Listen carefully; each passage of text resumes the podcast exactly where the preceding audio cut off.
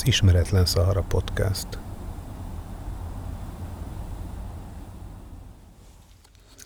Almási László Ede a 40 nap útján. A vasút és gőzhajó korszakával megszűnt a karaván közlekedés Egyiptom és Szudán között. Ma már kényelmesen utazhatunk Kairóból Kartumba. A Nílus völgyben az asszuáni gátművekig gyors vonat szágult, ott pedig utasait és szállítmányait a nílusi gőzhajók veszik át. Az a két nap, amely alatt a kényelmes, halkjáratú gőzös eléri Szudán határát, Vádi Halfát, bizonyára az utazó legkellemesebb emlékei közé fog számítani. Halfától a szudáni vasút vonata, a Napsugár Express robok Kartumig. Ezt a vasútvonalat 40 évvel ezelőtt Kitchener hadserege rakta le a nubiai sivatag homokjára, amikor elindult, hogy felszabadítsa Szudánt a dervisek barbár járma alól. A pályát azóta állandóan javították, áthelyezték szilárd ciklás talajra, és ma már ez a simpár Szudán forgalmának fő ütőere. A régi idő karaván útjait pedig betemette a szélhorta homok és a feledés. Elhaltak azok a sasszemű férfiak, akik egykor, mint kabírok, útmutatók, vezették a hosszú tevesorokat a végtelen pusztaságon át. Ma már alig él egy-kettő azok közül, akik még járták azt az ősrégi karavánutat, amely valamikor Szudánt összekötötte Egyiptommal. A Darb el Arbain, a 40 nap útja, legendává vált. Történelem előtti időktől kezdve, egészen a múlt század végéig, ezen az ősi útvonalon bonyolódott le a forgalom Közép-Afrika és Egyiptom között. Kiinduló pontja a szudáni Darfur tartomány fővárosa, El Fasher volt, a Nílus völgyét Közép-Egyiptomban Assuit városánál érte el. Az arabok azért nevezték el a 40 nap útjának, mert a karavánok rendszerint 40 napig meneteltek a két város között, nem számítva azonban a pihenő napokat a oázisoknál és a sivatagi kutaknál. Érthető, hogy a hajdani kereskedelem miért választotta ezt a kereken 2000 km hosszú sivatagútvonalat, ha meggondoljuk, hogy a Nílus mentét különböző törzsek lakták, akik állandó háborúskodásukkal szinte lehetetlenné tették a közlekedést a folyó mentén. Amikor először autóztam Egyiptomból Szudánba, azt hittem, hogy a Nílus mentén haladhatok a legkönnyebben. Asszuitig járható utat találtam, onnan Luxorig már nehezebben ment a dolog, míg végre Luxortól Asszuánig gáttöltéseken és a vasúti pályán kellett kínlódnom. Az Asszuáni bedencénél aztán tényleg megszakadt a járható útvonal. A folyó mély, szakadékos sziklamederben folyik felső Núbián át, és itt a terep nehézségek miatt a vasútvonal sem épült ki Asszuán és Vádi Halfa között. Annak idején kételen voltam nehéz túrogépemet hajón szállítani Halfáig, onnan Szudán vasútvonalát követhettem, a núbiai fensíkon át. Már akkor elhatároztam, hogy olyan útvonalat keresek, amelyen tengelyen teltem meg végig az utat Kartum és Kairó között. A térképet tanulmányozva szemem a Darb el Arbain útvonalán akadt meg. Bizonyára nem ok nélkül választották a karavánok ezt a vízszegény útvonalat a Szent folyó nehezen járható sziklaföldje helyett. Amikor 1929-ben Liechtenstein Ferdinánd herceggel Dél-Afrikából kiindulva kalandos utazás után Kártumba érkeztünk, már kész volt a terven további útvonalunkat illetőleg. Tudtam, hogy Vádi halfáig aránylag könnyűszerrel juthatunk el, mert már ismertem ezt az útszakaszt, és most már alkalmasabb gépekkel és több tapasztalattal rendelkeztem – Elhatároztam, hogy Halfánál átszállítom a kocsikat a Nílus balpartjára, és délnyugatnak fordulva a Szelima oázisnál rátérek a 40 nap útjára. Szelimától a nagy Karga oázisig a Darbel Arbain követem, onnan pedig a keskenyvágányú vasútvonalat, amely az oázist összeköti a Nílus völgyével. Kartumban a hatóságok nem nagy lelkesedéssel fogadták tervemet. Lehetetlennek vélték, hogy két egyszerű túrakocsival be lehessen hatolni a líbiai sivatagba, és azzal érveltek, hogy a közel fél évszázad óta járhatatlan karavánutat nem fogom megtalálni. Az egyiptomi kormány döntésétől tették függővé az engedélyt, mert nem vállalták a felelősséget azért, hogy esetleg elveszünk az ismeretlen sivatagban. Kairóban nagyobb volt a bizalom, tán azért, mert már tudtak sivatagi próbautaimról, vagy talán az Egyiptom és Szudán közötti autóút felderítéséhez fűzött érdekből. Mindenesetre a szorongva várt kairói távirat következő volt. Nem ellenezzük almási kísérletét a Darbel Arbain vonalán, ha indulásáról és előrelátható érkezéséről pontosan értesíti Karga oázis kormányzóját.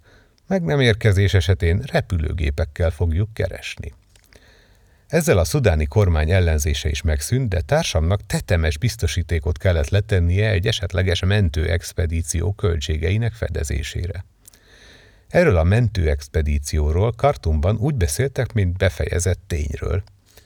A legsötétebb színekben ecsetelték nekünk azokat a nehézségeket, amelyekkel a tevés századok őrjáratainak, az autósoknak és a repülőknek majd meg kell küzdeniük, hogy minket megtaláljanak.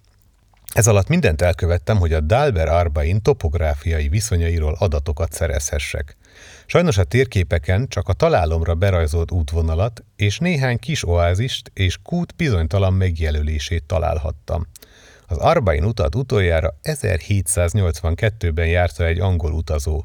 Hiába volt minden táviratozás halfába és dongolába, az ottani hatóságok előzékeny támogatása ellenére sem akadt egyetlen karavánvezető, aki még ismerte volna a 40 nap útját. Végre mégis akadt egy öreg kabír, aki legalább Vadi halfától a Szelima oázisig, és onnan a Sepkutig már megjárta az utat. 16 évvel ezelőtt. Kedvező volt azonban az az értesülés, hogy Halfától Szelimáig 1926-ban egy automobilos őrjárat végig megjelölte az útvonalat. Ezzel szemben azonban óvaintettek bennünket ettől a lakatlan oázistól, mert néha a vad gúraanok rejtek helyéül szolgál, és röviddel ezelőtt ott egy tevés őrjáratot lemészároltak. Még azt is megállapíthattam, hogy 1926-ban Kemal ed-Din herceg hernyóhajtású kocsikkal kargából kiindulva egy darabon követte az Árbain utat délnek. Számíthattam tehát arra, hogy majd követhetem a tudós herceg nyomait. A Kartum Vádi Halfa közötti útszakaszon alaposan megterhelt autóink aránylag könnyen győzték le a núbiai sivatag terepnehézségeit. Több helyen követhettem három év előtti utamnak a homokban még tisztán kivehető nyomát. Halfában várt az ottani kerületi főnök által szerzett kabír, Mohamed Osman Hassan. Öregedő, szikár szudáni típus. Kísérül még egy rendőr aszkarit rendeltek ki mellénk, Fadlalla Selim nevű mozgékony kis katonát, aki a Selim oázisig vezető útvonal kijelölésében részt vett. Ötödik társunk egy kartumból magammal hozott ottani benszülött sofőr volt, benne azonban már az eddigi útszakaszon sem igen bízhattam meg.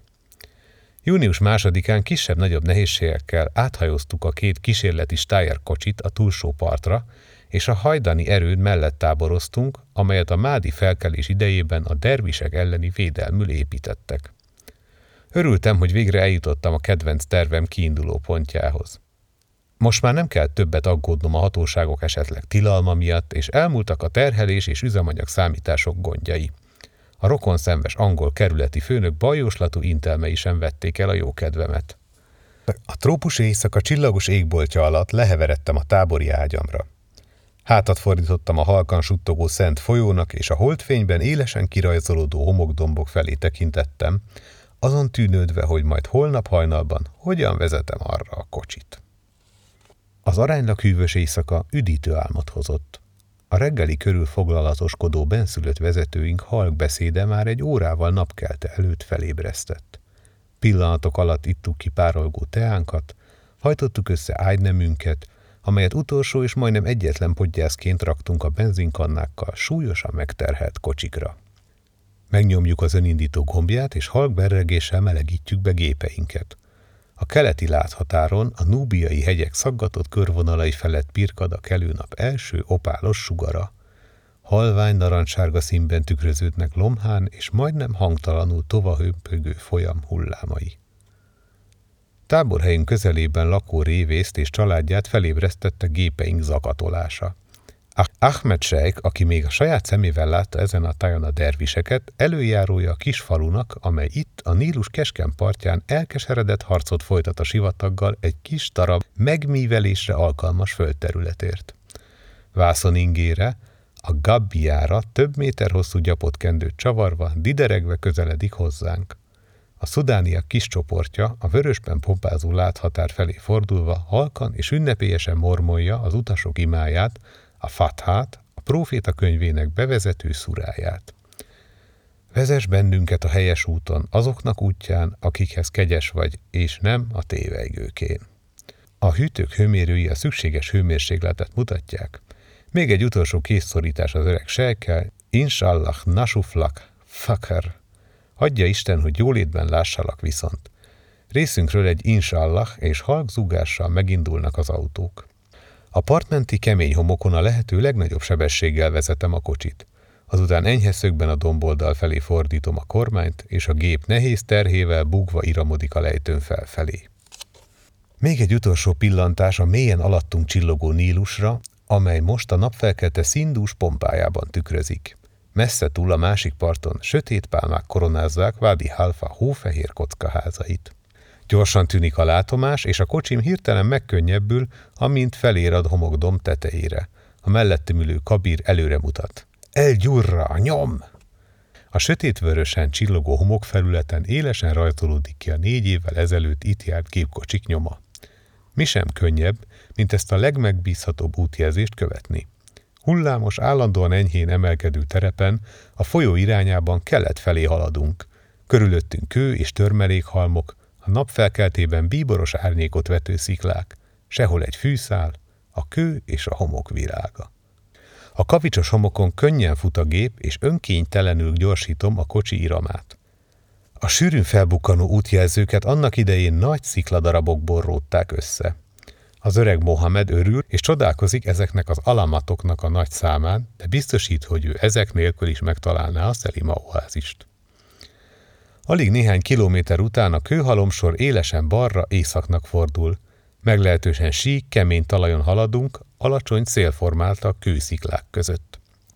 Mint annyiszor hosszú afrikai utazásunk során, barátom kocsiával mellém kerül, és kölcsönösen leadjuk a megszokott kültjelzést. Oké, okay, minden rendben. Felkelt a nap.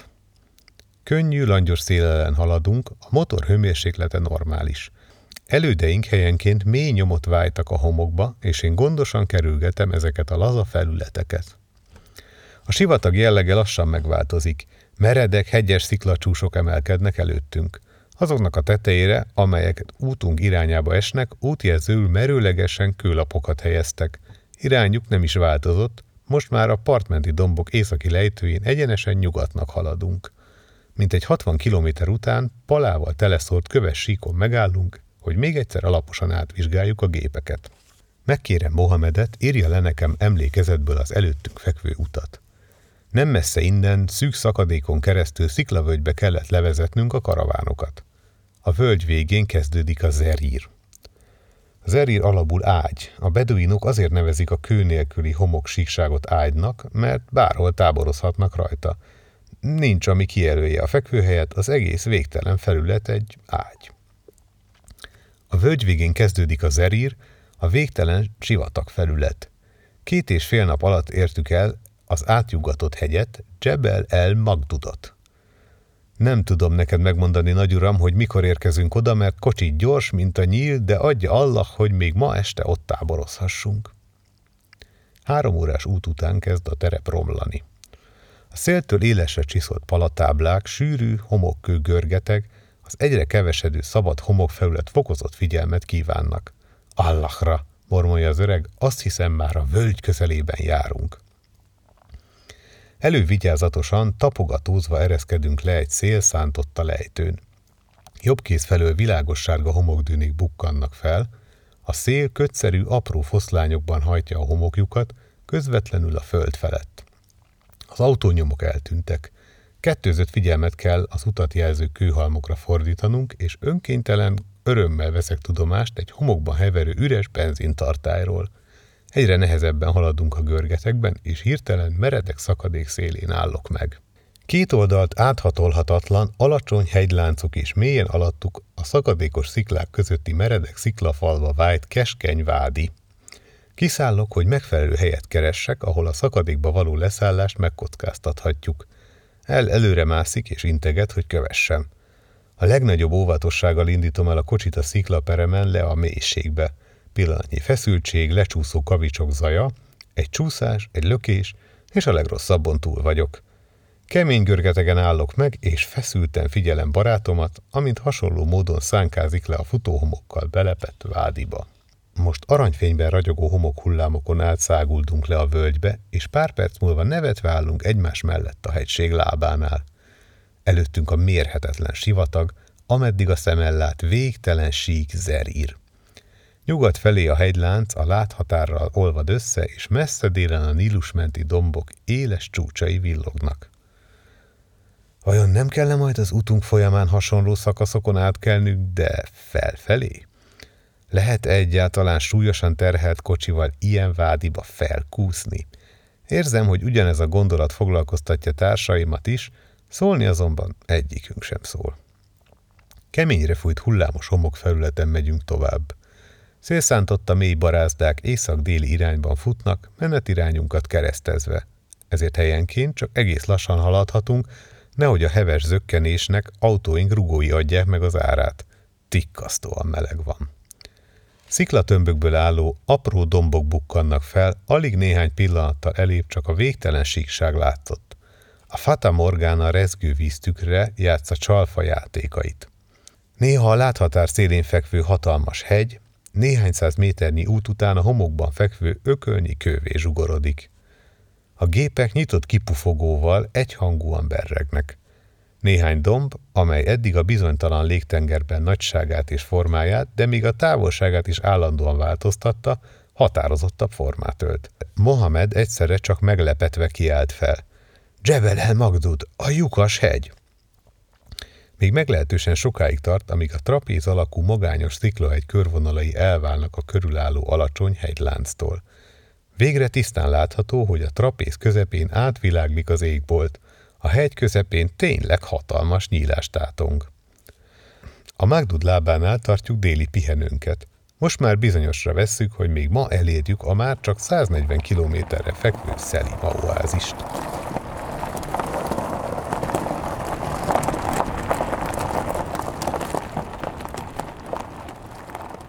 Most kis összefoglaló a Darbel Árbainról. Röviden már Almási is leírta a 40 nap útját, később is írni fog róla még.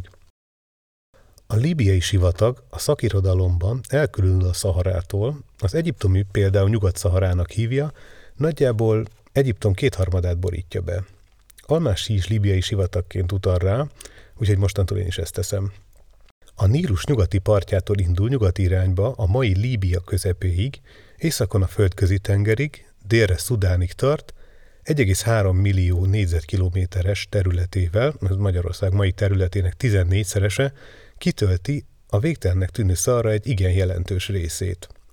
A sivatag szinte mindig száraz, de a föld alatt nincs vízhiány. Az alkalmankénti esők óriási felszín alatti víztározókat töltenek fel, amelyek rendszertelenül áttörnek a felszínen források és kutak formájában. A szövegben említett El Karga a libiai sivatag legnagyobb és legdélebbre fekvő oázisa, amelyet az ókori egyiptomiak déli oázisnak, a rómaiak oázis magnának neveztek.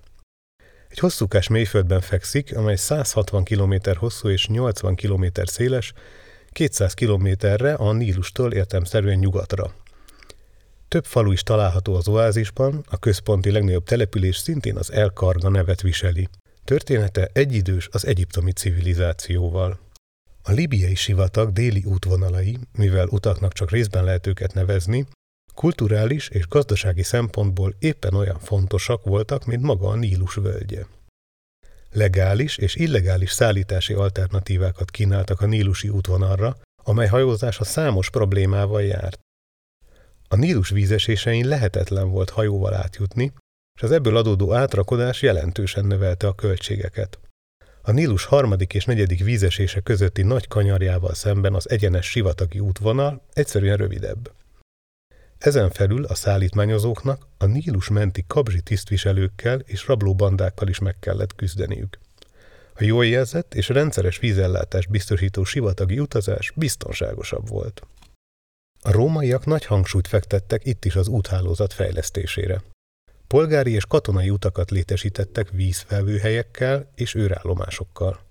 Számos útvonal futott el Karga oázis, a Nílus völgye és a kontinens belseje között, de a Darbel Arbain az egyetlen észak-déli irányú út Egyiptom és Szudán között.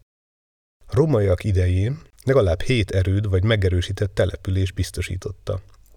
Kairóból indult Assuáton és Kargán át Szelima érintésével, végül a Darfuri El Fazerben végződött, nagyjából 2000 kilométert szelve át. A középkortól kezdve egyike volt a fő útvonalaknak, amelyeken luxuscikkek és rabszolgák érkeztek Egyiptomba dél irányból. Állítólag egy gyors futár 12 nap alatt végig tudta utazni, de egy száz tevéből és ezer rabszolgából álló karavánnak erre 45-90 napra volt szüksége. Mint oly sok mindent, ezt az utat is Hérodotos említi írásban elsőként, az időszámításunk előtti 5. században, mint a 40 nap útját, mert, mint Almási is írja, pihenők nélkül körülbelül ennyi időre volt szükség a távolság és a terep leküzdéséhez.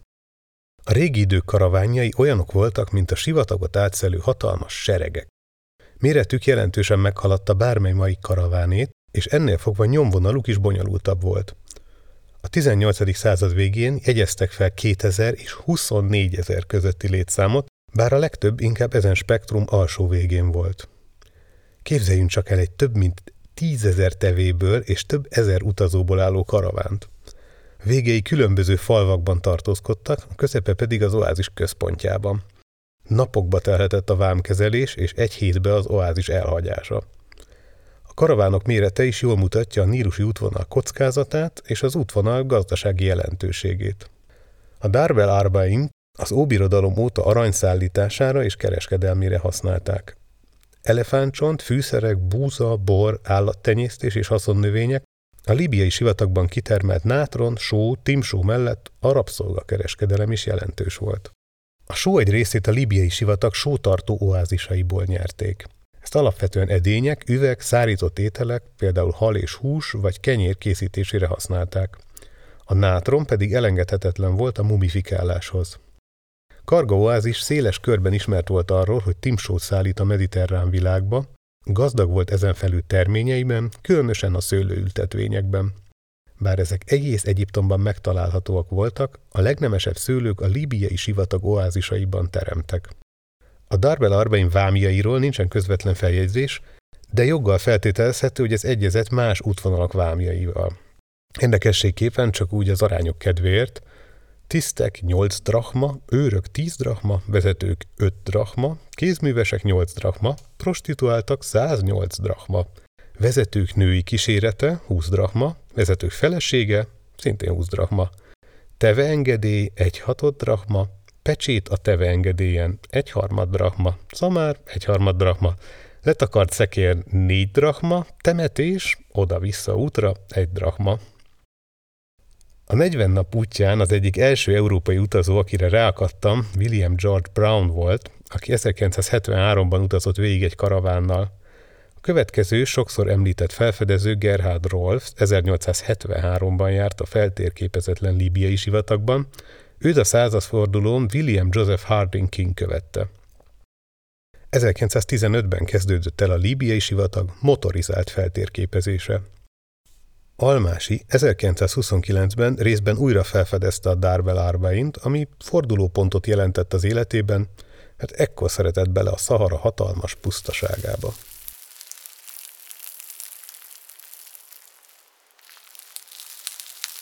Forrásokat és a linket Almási László könyvéhez megtaláljátok a leírásban. Ha tetszett a felvétel, iratkozz fel a csatornára, kövess a Facebookon, ez tényleg segít. Ha kedved van meghívni egy kávéra, kattints a Buy Me a Café linkre. Észrevételeket, kérdéseket, építőkritikát pedig az ismeretlen szahara kukac gmail.com címre küldhettek. A folytatás két hét múlva következik.